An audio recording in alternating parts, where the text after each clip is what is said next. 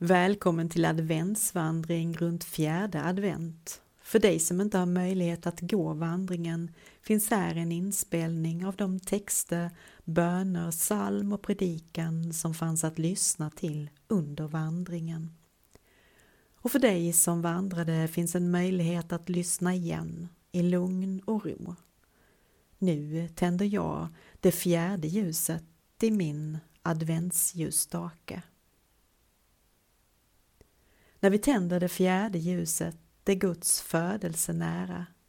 Det fjärde ljuset, det är Marias ljus. Hon som är Theotokos, som det står i den grekiska originaltexten och som betyder gudaföderska. Den första kvinnan det berättas om i Bibeln skapas ur mannen. Hon har inga förmödrar, ingen historia. Med Maria spegelvänds processen. Nu stiger en kvinna ur denna historia och blir Theotokos, hon som bär livet, den nya skapelsen inom sig. När vi tänder det fjärde ljuset kan vi öva oss i att längta och förundras. Kärlekens källa förkroppsligade Kristus du som bor i mitt hjärta. Må din kärlek forma mig till en äkta och innerlig människa och medmänniska. Öppna mig för det inre seendets öga och må jag bli varse att det är genom mina ögon, med min blick, som Kristus med medkänsla ser ut över världen. Öppna mitt hjärta så att jag kan glädjas över julnattens under och likt Maria bli en gudaföderska som bär fram kärlek i världen. Livets Gud, tillsammans med Maria väntar vi på barnet som ska födas. Vi prisar dig som låter stora ting ske. Hjälp oss att som Maria vila i tillit, tro på dina löften och övervinna all rädsla. I Jesu namn. Amen. Jag läser från Jesajas 40 kapitel, vers 9 till 11. Gå upp på ett högt berg med ditt glädjebud Sion, ropa ut ditt glädjebud med hög röst Jerusalem. Ropa, var inte rädd, säg till Juda städer, er Gud kommer, Herren Gud kommer i all sin styrka. Han härskar med mäktig arm, sin segerlön har han med sig. Det han vunnit går framför honom som en herde vallar han sin jord, han tar upp lammen i sin famn och bär dem i sina armar. Han driver tackorna varligt. Så läser jag från Lukas evangeliets första kapitel, vers 46 till 55. Den text som brukar kallas Magnificat. Då sa Maria min själ prisar Herrens storhet. Min ande jublar över Gud, min frälsare. Han har vänt sin blick till sin ringa tjänarinna. Från denna stund ska alla släkten prisa mig salig. Stora ting låter den mäktige ske med mig. Hans namn är heligt och hans förbarmande med dem som fruktar honom varar från släkte till släkte. Han gör mäktiga verk med sin arm, han skingrar dem som har övermodiga planer. Han störtar härskare från deras troner och han upphöjer de ringa. Hungriga mättar han med sina gåvor och rika skickar han tomhänta bort. Han tar sig an sin tjänare Israel och håller sitt löfte till våra fäder att förbarma sig över Abraham och hans barn till evig tid.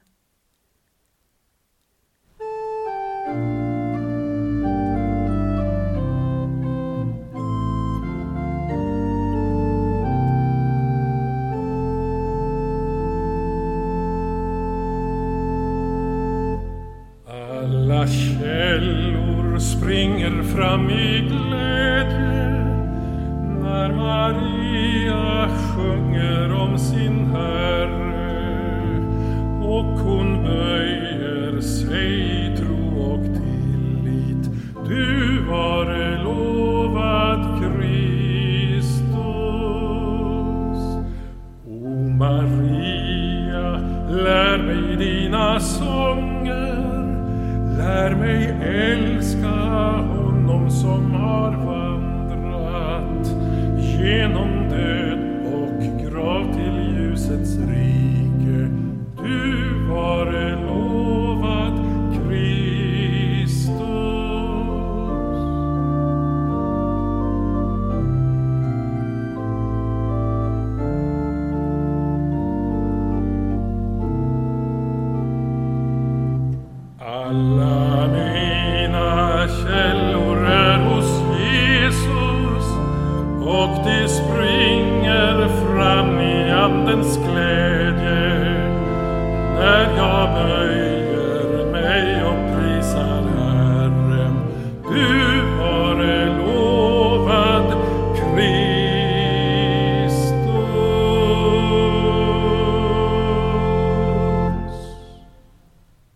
På fjärde advent är temat Herrens moder Maria.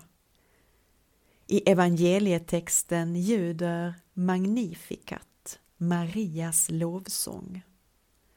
Min ande jublar över Gud. Från denna stund ska alla släkten prisa mig salig. När ängeln kom till den unga kvinnan Maria i Nasaret svarar hon Må det ske med mig som du har sagt. Hennes svar är en uppvisning i mod.